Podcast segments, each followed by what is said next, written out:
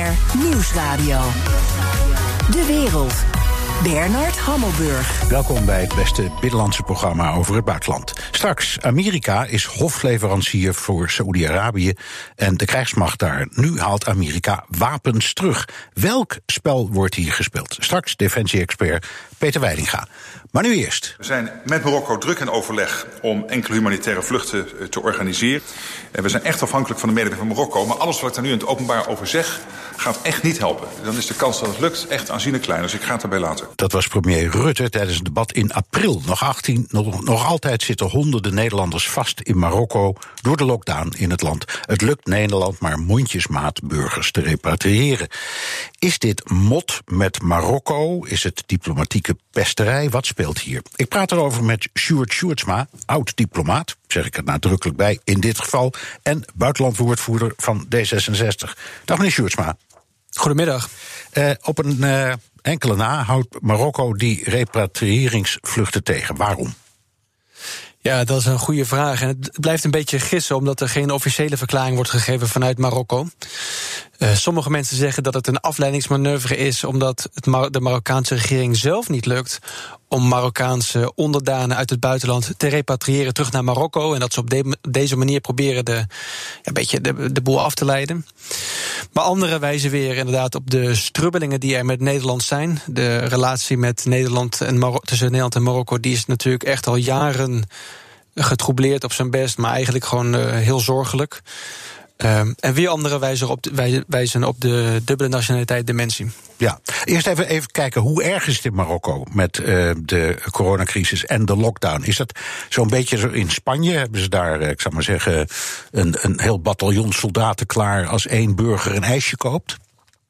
Nou, de lockdown in Marokko die is inderdaad echt heel serieus. Uh, met, uh, met zeer beperkte bewegingsvrijheid voor burgers.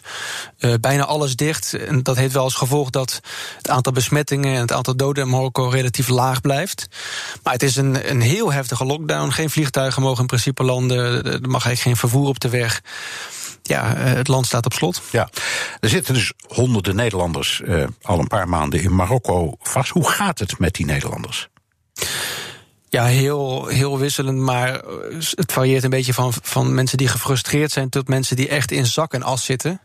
Uh, soms zijn het Nederlandse toeristen die, die langer moeten verblijven dan ze hadden gewild, maar die verder geen problemen hebben. Dus voor hun is het ongemak enkel, ja, ze kunnen niet naar huis, maar ze zitten op zich nog op een prima plek. Maar voor verweg de meeste geldt dat zij dolgraag naar huis willen, dat ze hier een baan hebben, uh, dat ze hier zieke familieleden hebben, of dat ze de Ramadan met hun familie willen vieren.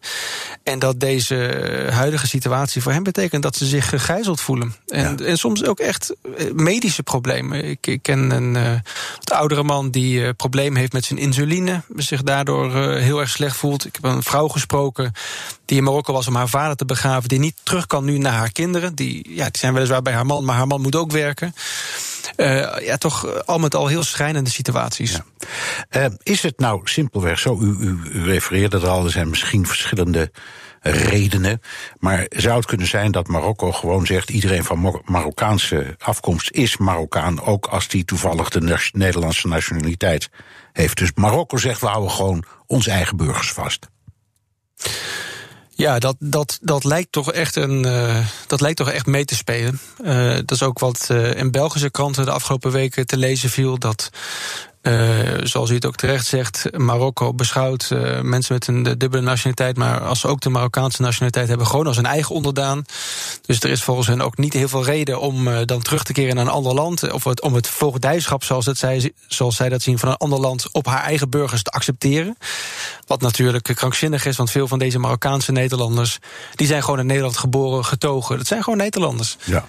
Um, en ik, ik snap het zelf rationeel ook niet heel erg goed. Want ja, kijk naar het Marokkaanse gezondheidsstelsel. Waarom zouden zij extra mensen in hun, land willen vasthouden... en daarmee mogelijkerwijs hun eigen gezondheidssysteem nog meer, te, nog meer belasten? Ja. Er zijn uh, veel gestande Nederlanders die, die klagen over de, de onduidelijkheid van het ministerie van Buitenlandse Zaken en het meldpunt bijzondere bijstand buitenland. Uh, die klachten gaan over de uitzichtloosheid van een situatie, maar ook door, over, over gebrekkige coördinatie. Dat moet toch beter kunnen? Ja, die klachten die heb ik ook meegekregen. En ik snap dat ook goed. Uh, op het moment dat je te horen krijgt dat je op een vlucht zou zitten. en op het allerlaatste moment, als ochtends de bussen. Uh, vanuit de, het, stad, het stadje waar je zit naar Casablanca gaan, van waaruit de repatriëringsvliegtuigen vertrekken. Je toch te horen krijgt dat het niet jouw naam is die op de lijst staat, maar een andere naam. Of je krijgt te horen dat Marokko tijdelijk of misschien wel permanent een streep door jouw naam heeft gezet. Of de papieren waarmee je door Marokko zou mogen reizen, die blijken. Daar blijkt uh, de, de, de geboortedatum niet te kloppen met de geboortedatum op je paspoort, waardoor je niet naar het vliegtuig mag.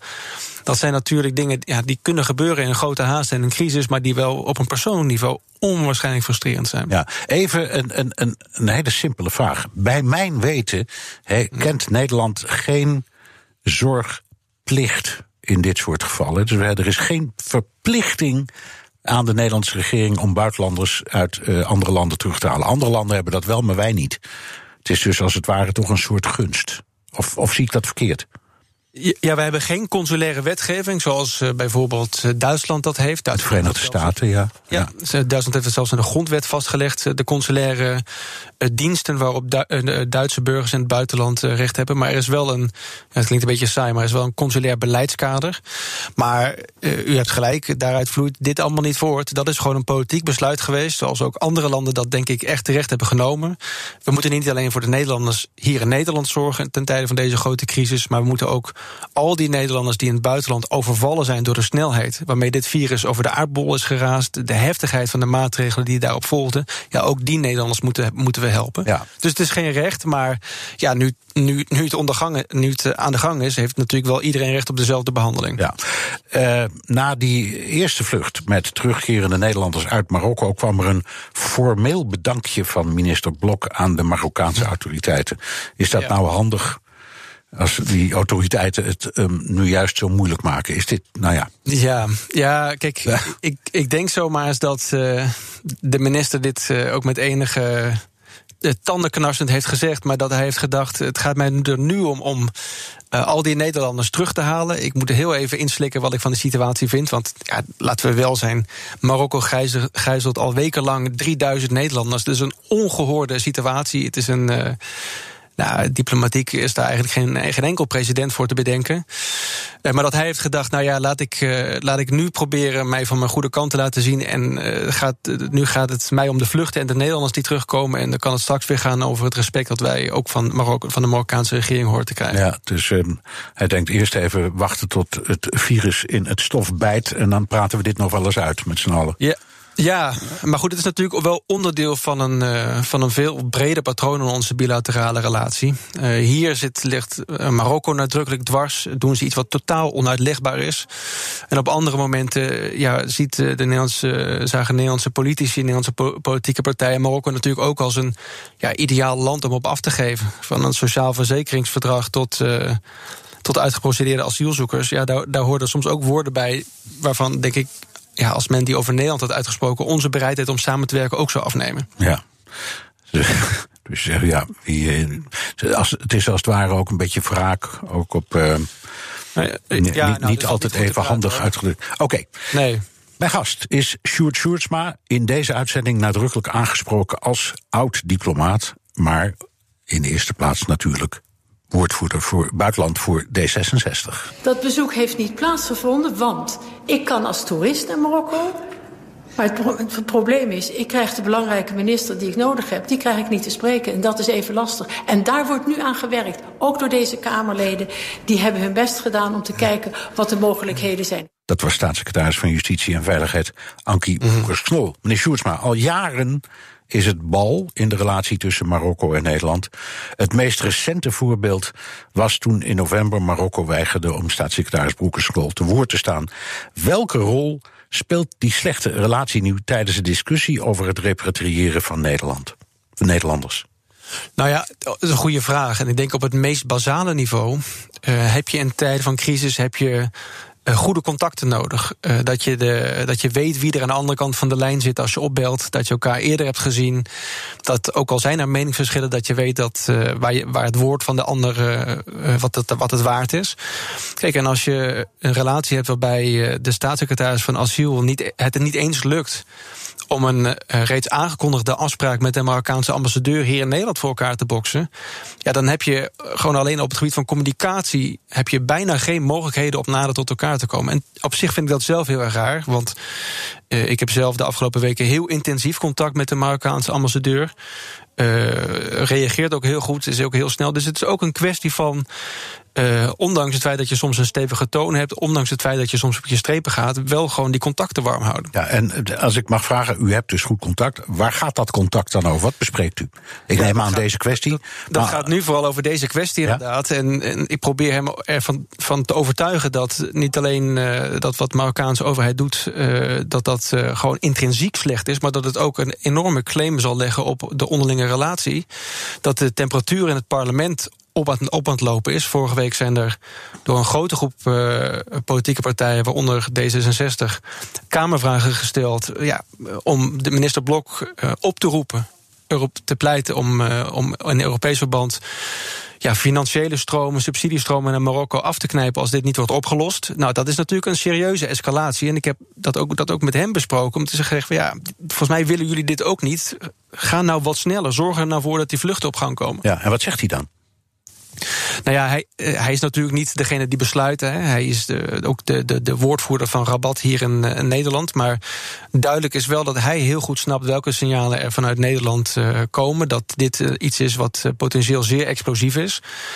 En nou ja, goed, laten we ook wel wezen. Uh, het is heel lang heel ingewikkeld geweest. Maar de afgelopen anderhalve week um, hebben we nu toch drie repatriëringsvluchten gezien. Waardoor het aantal Nederlanders in Marokko van 3000 naar 1700 is gegaan. En als dat doorzet, en nou, laten we hopen dat het doorzet, dan zou binnen enigszins afzienbare tijd alle Nederlanders terug moeten zijn. Maar ja, goed, en daar is het in de eerste plaats om te doen. Ja. Laten we even, we hebben het er nu een paar, u hebt het een paar keer op geweest. Laten we even eh, die, ik zal maar zeggen, die, de, de mot met Marokko doornemen, de geschiedenis mm. daarvan. Eerst even terug naar 2013.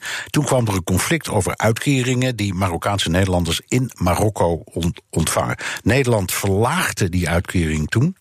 Uh, onder andere onder druk van partijen bij ons in de Tweede Kamer. Daar kwam er weer enorme ruzie met de Marokkaanse regering.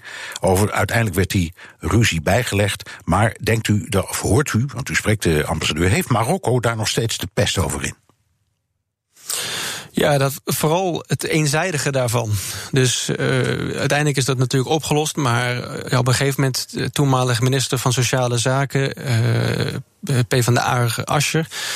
Die ging toen eenzijdig dat sociale verzekeringsverdrag uh, opzeggen of dreigen dat op te zeggen. Um, ja, dat was, dat is nadrukkelijk tegen het zere been van Marokko. Ook omdat zij, wat we er verder ook inhoudelijk van vinden, van hoe dat, er, hoe dat eruit zag, zij stonden juridisch in hun recht.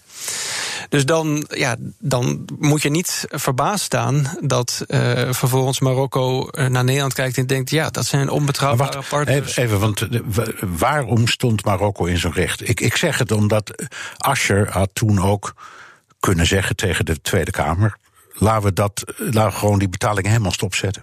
En dat deel ik dan aan Marokko mee. We kunnen, Ze kunnen me wat. Was dat, ik bedoel, was dat niet verstandiger geweest? En waarom zegt u ja, dat kon juridisch niet?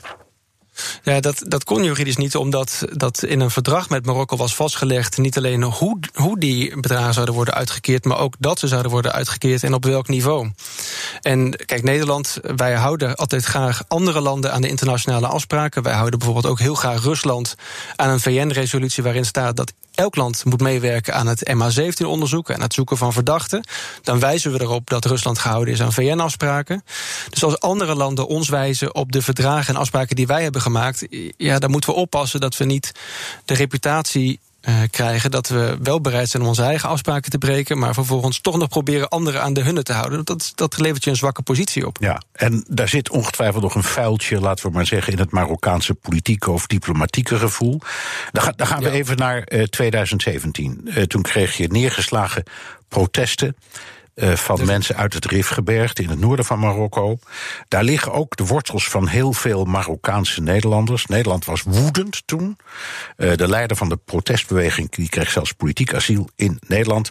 Uh, dat was natuurlijk een diplomatieke kaakslag ook aan de Marokkanen. Zou tegenhouden van die Nederlanders ook wraak zijn om die kwestie?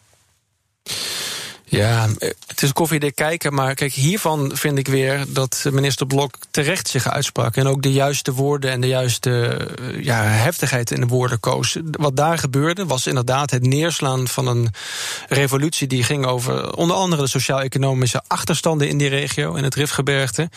Op een manier die, die op geen enkele manier uh, zich verenigt met ook internationale afspraken waar Marokko zich, zich, uh, zich heeft verbonden. Gewoon uh, ja, dus u zegt, daar gold het omgekeerde. proces, ja. gerechtigde straffen. Nou, dat waren allemaal ja, processen waar u en ik van zouden zeggen... dat zijn showprocessen met straffen van 15 plus jaar in de cel.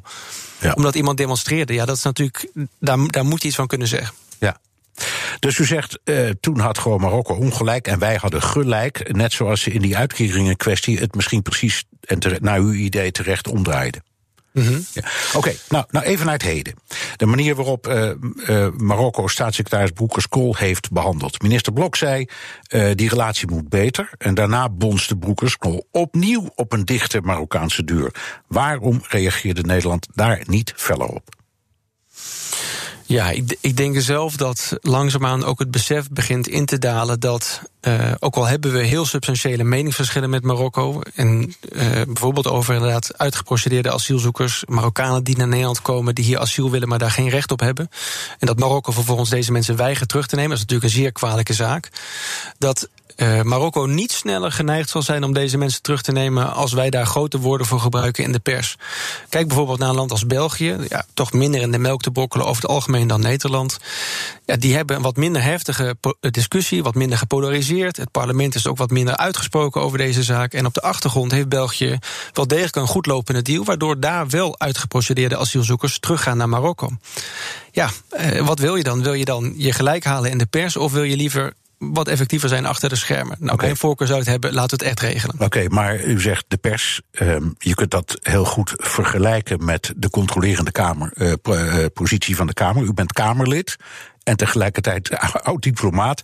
Is dit ook een beetje het dilemma dat u nu deelt met ons? Nee, volgens mij is het niet een dilemma. Um, je kan best heel duidelijk zijn over dat je het onacceptabel vindt dat Marokko iets niet terugneemt. Zonder dat je daarmee de relatie zodanig uh, onder druk zet dat ze überhaupt niet meer bereid zijn met je te praten. Kijk, dan, dan geef je, geeft hen dan ook in dat spel, want het is natuurlijk uiteindelijk een diplomatiek spel waarin wij verschillende belangen hebben. De kans om de moral high ground te nemen. De kans om ons uh, uit te spelen, om te laten zien dat wij een beetje sukkeltjes zijn. Terwijl als je dat slimmer doet en als je, ja, kan nog steeds duidelijk zijn in de pers, maar misschien met, met wat, minder grote woorden, eh, wat minder schreeuwerig en wat duidelijker over wat de afspraken zijn en dat we Marokko daar gaan houden, dan kan je achter de schermen ook nog wat voor elkaar krijgen. Ja, het klinkt allemaal een beetje, komt ook door mij hoor, alsof het allemaal de schuld is van Marokko. Uh, zijn er wat u betreft ook dingen die onze regering, bijvoorbeeld minister Blok en Broekersknol, zelf beter hadden kunnen doen?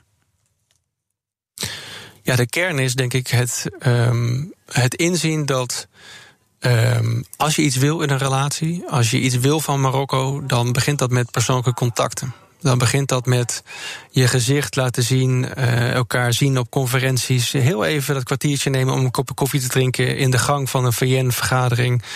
Uh, elkaar in de marge van een uh, net iets te lange bijeenkomst in Brussel even een schouderklop te geven. Althans, toen dat nog kon. Uh, in langsgaan bij Rabat om het ook te hebben over uh, andere zaken dan alleen maar de heikele zaken, maar een keer te hebben bijvoorbeeld over handelsbevordering. Kijk, daar zijn, dat, dat, dat opbouwen van die relatie, daar zijn we, dat is niet alleen nu, maar dat zijn gewoon de afgelopen regeringen, zijn daar gewoon heel slecht in geweest met Marokko. Ja, maar is dit nu een verwijt aan minister Blok of uh, de staatssecretaris of aan de VVD, uw coalitiepartner, zegt u ze blunderen een beetje in de manier waarop ze dat doen.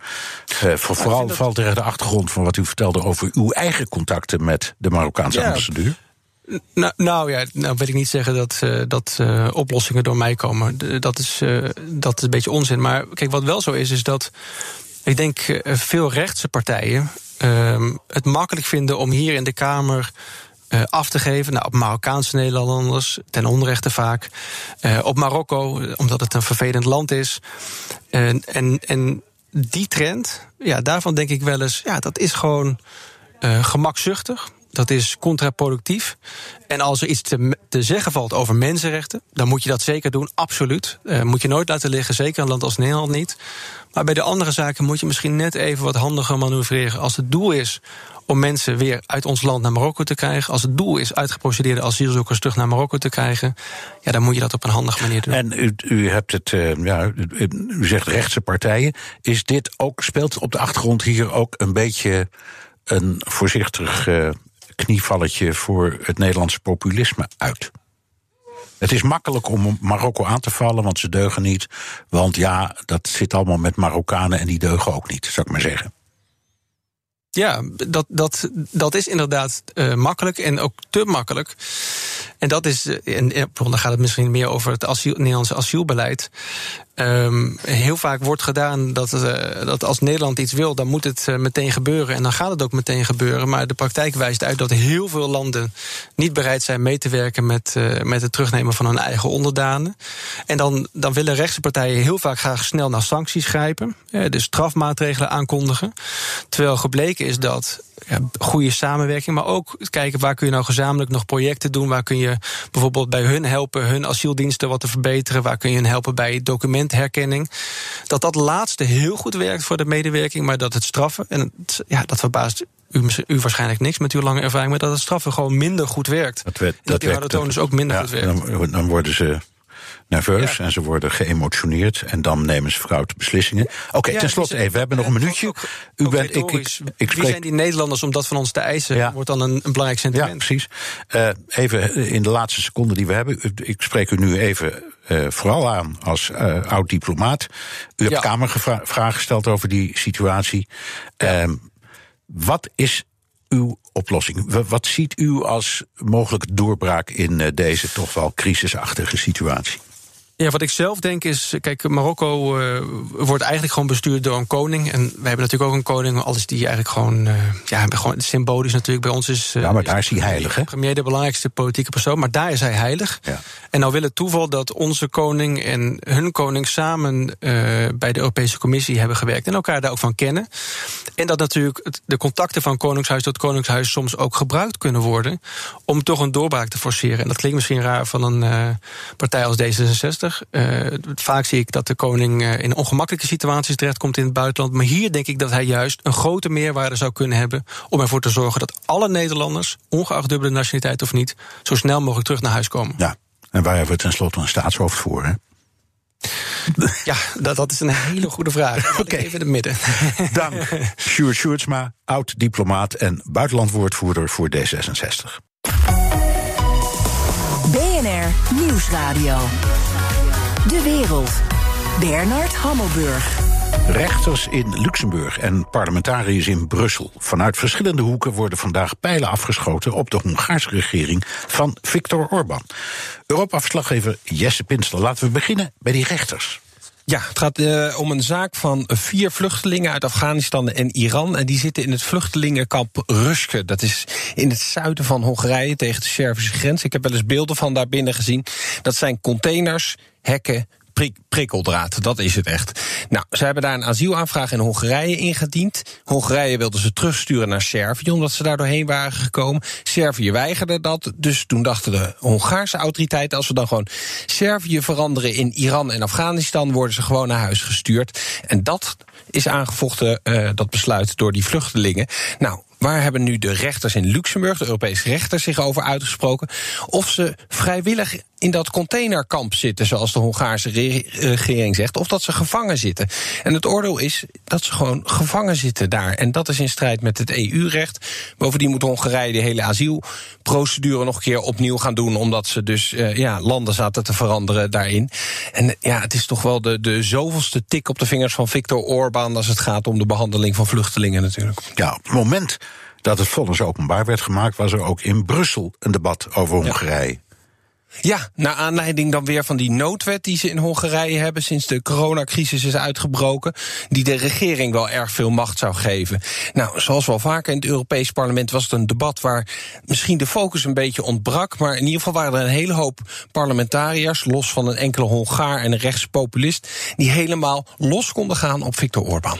We all know what has happened in Hungary for 10 years. Viktor Orban has abused his powers in Hungary. You have attacked journalists. You have attacked independent NGOs. You have attacked the freedom of the academia. You have led smear campaigns against minorities, against the European Union, against Jean-Claude Juncker himself. We all know that yesterday one man was taken into custody for an opinion he posted on Facebook. Killing democracy should not be funded with European taxpayers' money. This government should not receive one single cent penny from the EU. So no penny anymore to Mr. Orban to line the pockets of his oligarchs. Kijk, daar hoor je dat de voorzitter. Kijk, daar hoor je hem nog eventjes. Die was volgens mij ook een beetje klaar met de tirade Ja, van Sofie en, in en, het en ik hoor veld. één hele interessante quote. Een man die Mhm. gisteren is gearresteerd voor het plaatsen van een bericht op Facebook. Ja, dat klopt. Dat is een, een, een 64-jarige man. eh, die had op eh, Facebook inderdaad geschreven. Hij had eigenlijk kritiek op de lockdown in Hongarije. Maar daar stond ook de zin: Je bent een genadeloze tiran. Maar onthoud, tot nu toe vallen dictators altijd. En toen is hij gearresteerd. En de politie wilde weten: over wie heb je het nou eigenlijk? Wie is die toran, tiran waar je het over hebt? Of die dictator? Nou, deze man is uiteindelijk na een paar uur wel weer vrijgelaten. Maar weet je, die, die, die noodwet die is inmiddels meer dan, vijf, nee, meer dan 80 keer ingezet. En ook gisteren werd er een politicus die gelieerd is aan oppositiepartij Momentum, werd ook gearresteerd. Om zes uur 's ochtends van zijn bed gelicht. Omdat hij gezegd had: ja, die regeling die we in Hongarije hebben, dat 60% van de bedden in de ziekenhuizen vrijgemaakt moeten worden voor coronapatiënten. Dus andere patiënten moesten het ziekenhuis uit. Is dat nou wel zo verstandig? Nou, ook deze man is na een paar uur wel weer vrijgelaten. Maar wat je ziet is ja, dat het toch een manier is om in ieder geval mensen te intimideren. Ze hebben wel gezegd, stafchef zag ik eh, zojuist binnenkomen van Viktor Orban, dat die, die noodwet wellicht eind juni wel weer afgeschaft kan worden. Zien ze alles wat er gebeurt als intimidatie in Brussel? Ehm, Ja, en, is, en, is er iets, en kunnen ze er ook iets tegen doen? Ja, dat is dan altijd de vraag. Hè. De- Het parlement ziet het zeker zo. Maar het is misschien interessant om te kijken wat de Europese Commissie doet of niet doet. Dan kom je bij commissaris Jourova, de Tsjechische. Nou, die heeft eerder al gezegd, ja, die, die wet in Hongarije. Ja, daar kunnen we nu nog niet zoveel mee. We gaan gewoon goed kijken wat er precies mee gedaan wordt. Nou ja, nu zien we dus wat er mee gedaan wordt. En toevallig had Jourova een paar uur geleden een gesprek met de denktent Breugel en de journalist van, de journalist van de Financial Times. En toen had ze het dus ook over die twee arrestaties waar wij het al net over hadden. when we see the cases where criminal comments, uh, uh, critical comments, uh, can uh, uh, invoke this reaction of the uh, law enforcement bodies. It is it is worrying, but in the in the world of media and, and criminal law, uh, we have rather limited limited power on this. Believe me, I am rather frustrated that we cannot uh, impose more pressure. Ja, in zekere zin zijn het Europees Parlement, de Europese Commissie, misschien zelfs die rechters in Luxemburg, de perfecte vijand van Viktor Orban. Het zijn tandeloze tijgers eigenlijk waarmee hij op dat, eh, aan het vechten is. En hij kan heel goed zijn frame gebruiken. Ik haal nog maar even een speech van, eh, uit 2017 aan, waar hij zegt: ja, de onafhankelijkheid en de soevereiniteit van ons land moeten we verdedigen tegen een alliantie van Brusselse bureaucraten, de liberale media en de onverzadigbare kapitalisten. Het past allemaal prima in dat frame. En je kan vinden wat je wil van Viktor Orban, maar het is wel een effectieve, gehaaide en slimme politicus die iedere keer Brussel als de grote tegenstander weet neer te zetten. Dank. Europa-verslaggever Jesse Pinster. De Donald Show. Tijd voor een update uit de United States of Trump met onze correspondent in Washington, Jan Posma. Jan, Trump wist de afgelopen dagen enorm veel aandacht te genereren voor wat hij Obama-gate noemt. Wat is dat nou precies volgens hem? Nou, eh, het grootste politieke schandaal ooit, Bernard. Groter dan Watergate. En uh, ja, Obama die zou Trump hebben tegengewerkt met politieke motieven. Uh, maar wat het dan is, wat er gebeurd is, Trump zelf blijft daar heel vaag over. Toen hem in een persconferentie werd gevraagd, zei hij: Ja, het is heel groot. Je gaat het nog wel zien. raakte daarna ook een beetje geïrriteerd. hij blijft vaag, hier ook bijvoorbeeld bij Fox News. This was all Obama. This was all Biden. These people were corrupt. The whole thing was corrupt. And we caught them. We caught them.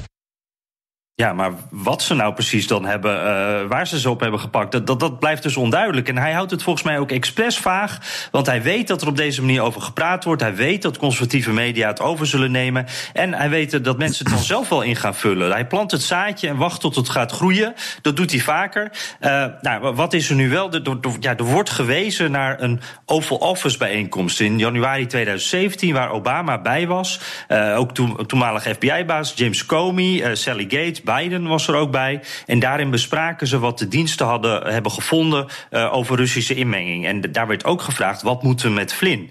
Nou, Trump-aanhangers zeggen nu dat is een van de bewijzen dat Obama hierachter zit.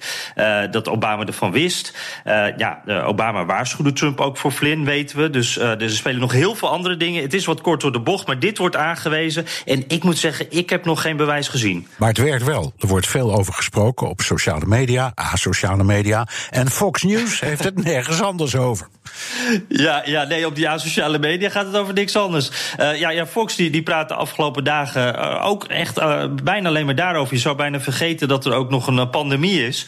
vooral in de opinieprogramma's natuurlijk op prime time. En dat zijn best ingewikkelde verhalen vaak. Over Strzok en Lisa Page, weet je wel, die twee FBI-agenten. Over, over eerdere vermoedens van Trump dat Obama hem afluisterde. Wordt heel veel bijgehaald. Met wel steeds dezelfde conclusie, ja, dezelfde conclusie Trump dus eigenlijk. Dit is bijvoorbeeld uh, Sean Hannity. Literally spying on a presidential candidate, a transition team, an incoming president, deep into the presidency of an opposition party. That would be the single most repulsive, disgusting, unconstitutional abuse of power. And it appears like it all happened. Now I ask again, Barack, Joe, what did you know and when did you know it? It's time to answer those questions. Ja, bekende Watergate-vraag. Nou, rechts van Fox News heb je dan ook nog uh, OAN, One American News. Die gaan helemaal all in. Uh, dus al, als, ja, als je die media dan volgt, als je ook nog de tweets van Trump erbij bekijkt, dan, dan weet je er is iets aan de hand. Uh, maar als je daar buiten kijkt, dan krijg je een heel ander beeld. Ja, veel speculatie of Trump het doet om af te leiden. Hij doet het in ieder geval om aan te vallen richting Obama, maar ook richting Biden. Ja, er zijn nu natuurlijk rond de, de, 85.000 coronadoden in de VS. Uh, Fauci getuigde deze week voor een senaatscommissie. Uh, waarschuwde dat het land niet te snel open moet gaan. Het Hoge Rechtshof uh, vergaderde over Trumps belastingpapieren. Dus er zijn genoeg redenen om het ergens anders over te hebben voor Trump. We kunnen natuurlijk niet in zijn hoofd kijken. Maar dat zouden allemaal redenen kunnen zijn. En, en ja, dit is de campagne. Uh, Biden was blijkbaar ook in het Oval Office. Uh, hij was toen vicepresident. Probeert dat zelf natuurlijk zo groot mogelijk te maken dat hij vicepresident was. Uh, dit is dan ook een aanval op hem. En op dat punt is de cirkel ook een beetje rond. We, ja, we blijven natuurlijk allemaal met veel interesse volgen wat er naar buiten gaat komen over Obamagate. Trump zegt dat het onderzocht wordt. dus we gaan zien of er nog onderbouwing komt. maar het maakt eigenlijk niet uit. Trump weet nu al, dit blijft hangen. Dit zal hij ook niet loslaten als er geen bewijs komt, dan maakt het voor Trump ook weinig uit. Want dan wordt het niet een Obama-gate-gate, zeg maar. Nee, ik zit te denken, Jan, die, die Hannity, die verdient 33 miljoen dollar per jaar. Wat doen jij en ik fout? Nou, goed. Dankjewel. schreeuwen, Bernard. Jan Postma, onze correspondent in Washington. En wilt u meer horen over dat fascinerende land en over Obamagate? Luister dan naar de Amerika podcast. Jan en ik zijn die op dit moment aan het maken. We leggen er de laatste hand aan. Hij komt zo snel mogelijk online. De wereld. Amerika haalt Patriot-raketten en het bijbehorende personeel terug uit Saoedi-Arabië. Well, I don't want to talk about it, but we're doing some things. We're making a lot of moves in the Middle East and elsewhere. We're doing a lot of things all over the world militarily. We've been taken advantage of all over the world. De raketten werden vorig jaar geplaatst vanwege droneaanvallen op olieraffinaderijen door Iran en dreigementen om de scheepvaart in de straat van Hormuz te blokkeren. Is die Iraanse dreiging voorbij of heeft het iets te maken met de prijzenoorlog in de oliemarkt of met wat anders? Ik praat erover met Peter Weininga, defensie-expert verbonden aan het Den Haag Centrum voor Strategische Studies. Dag Peter. Goedemiddag, uh, dag Bernard. Wat zit erachter? Waarom haalt Amerika die raketten juist nu weg? Ja, inderdaad. De, crux zit hem in het laatste deel van je vraag, juist nu. Um, er zijn meerdere redenen om dit te doen. Zoals hij zelf al aangeeft, hè, uh, de wereld maakt uh, uh, misbruik eigenlijk van de Amerikaanse welwillendheid om overal maar militair materieel en mensen naartoe te sturen.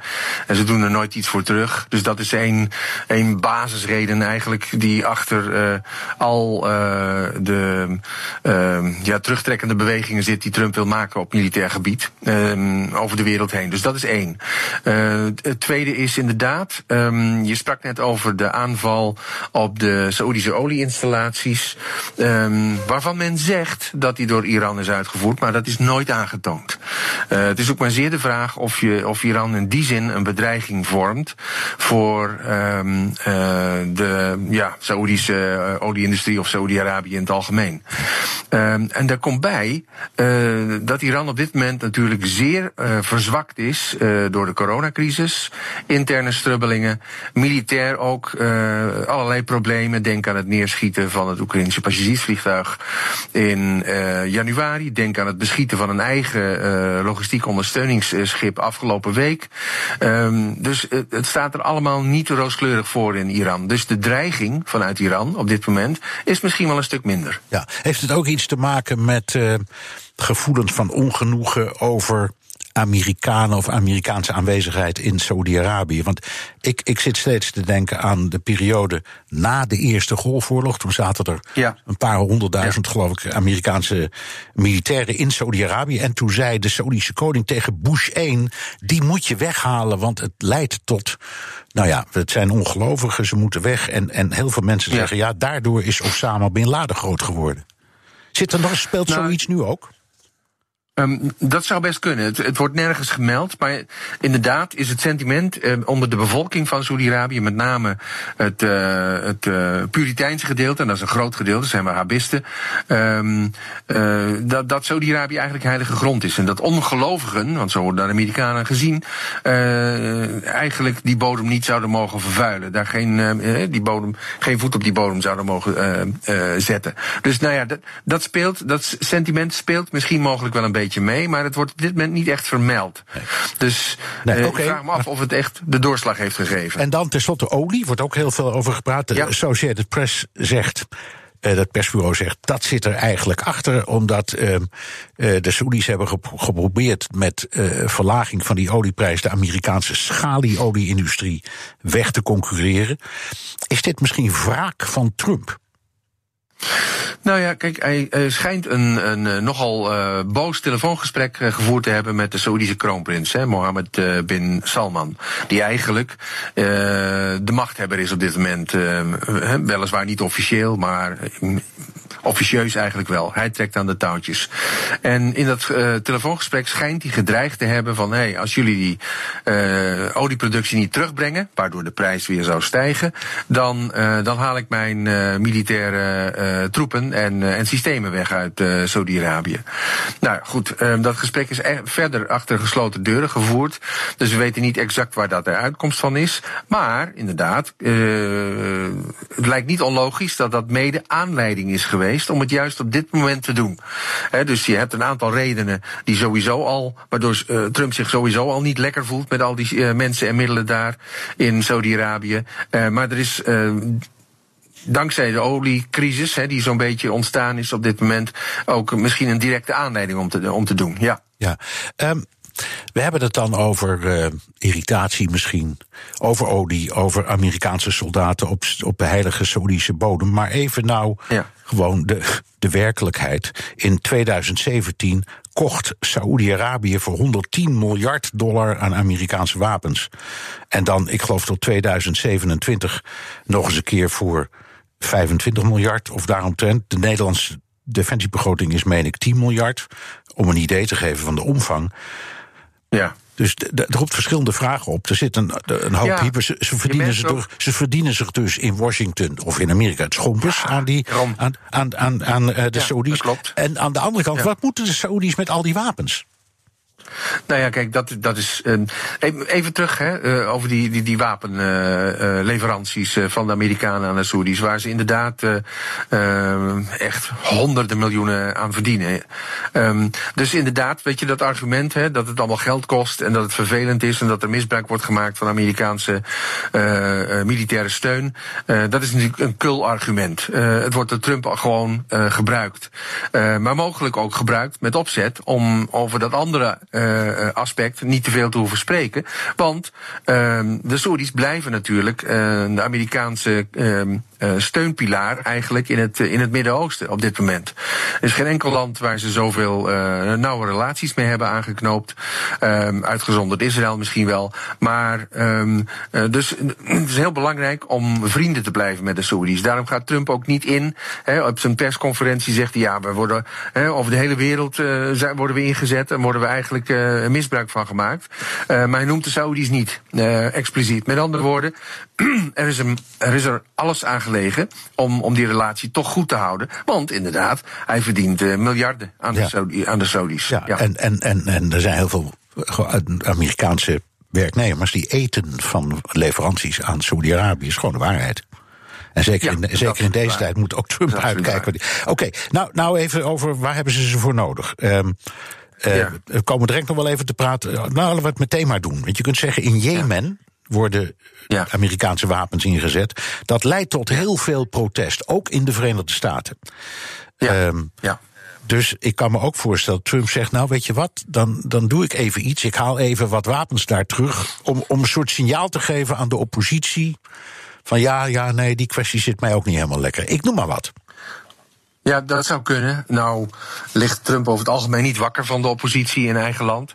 Um, maar, nee, ja, maar wel in zijn eigen partij. Oh ja, dat ja. zou kunnen. Ja. Er zijn inderdaad binnen zijn eigen partij ook wel groepen uh, die dat allemaal te ver uh, vinden gaan.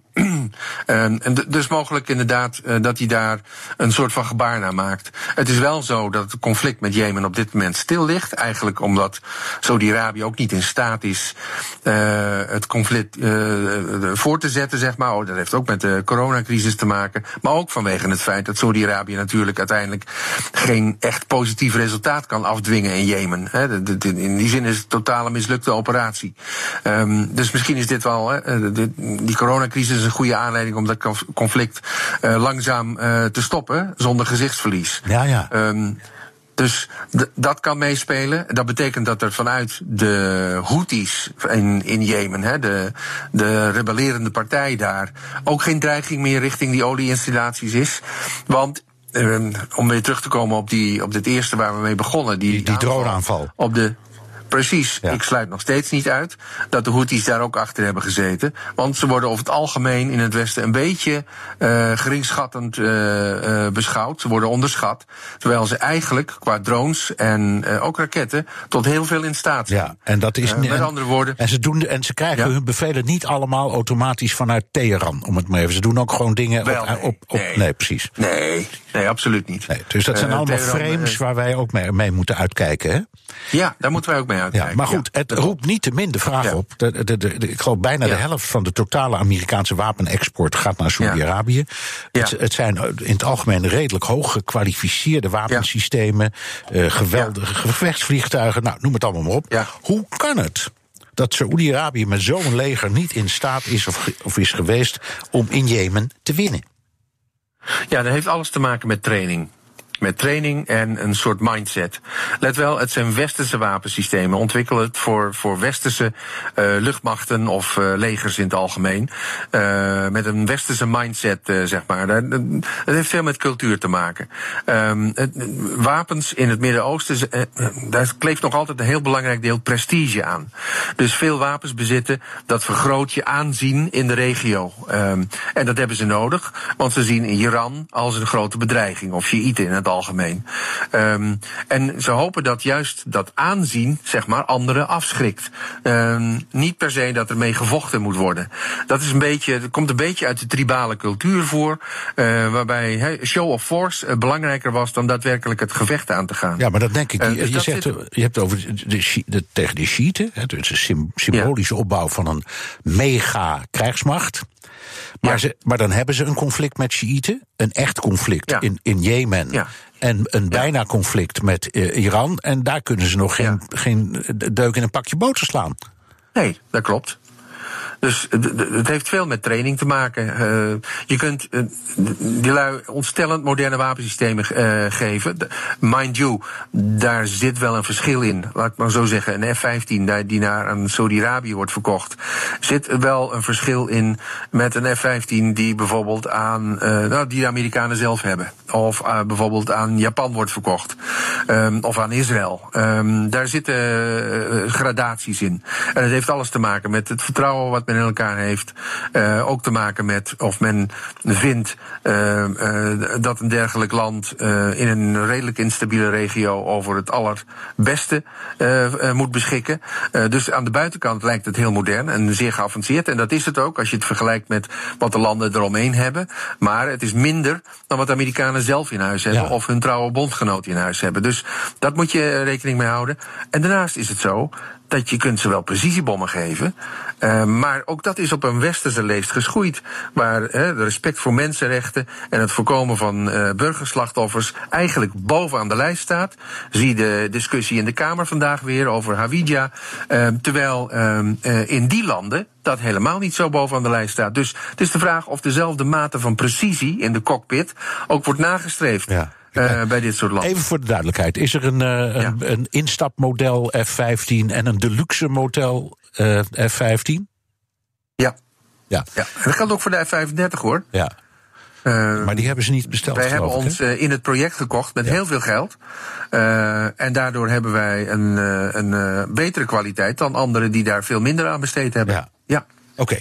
Okay. Um, dat brengt ons even op ons. Eén vraagje nog daarover. Nederland doet mee aan een militaire missie in de straat van Hormuz. Uh, ja. Daar was deze week nog een incident waarbij tijdens een oefening. Uh, Iran een eigen schip uit het water knalde. Je, je, je verwees daar net al even aan. Ja, um, ja. Kun je dan zeggen, nou, dan is de dreiging van Iran toch nog niet afgenomen?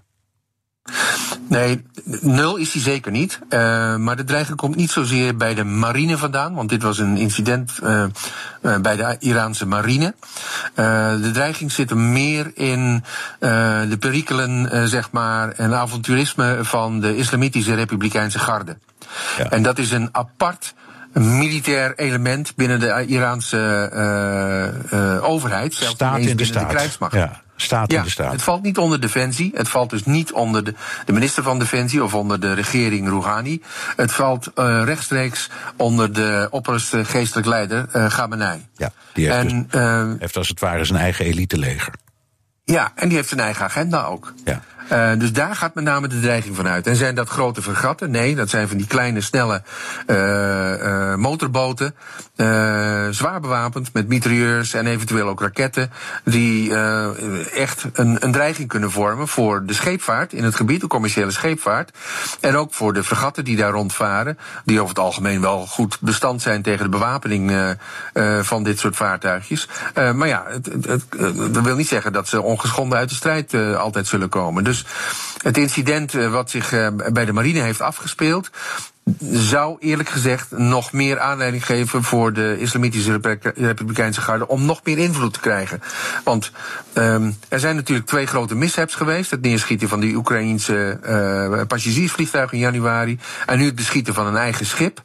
Uh, beide zijn terug te voeren op slechte communicatie en slechte coördinatie tussen verschillende partijen. Ja, en dat geeft eigenlijk aan dat de staat van paraatheid van de Iraanse strijdkrachten niet optimaal is. Dank. Peter Weidinga, defensie-expert verbonden aan het Den Haag Centrum voor Strategische Studies.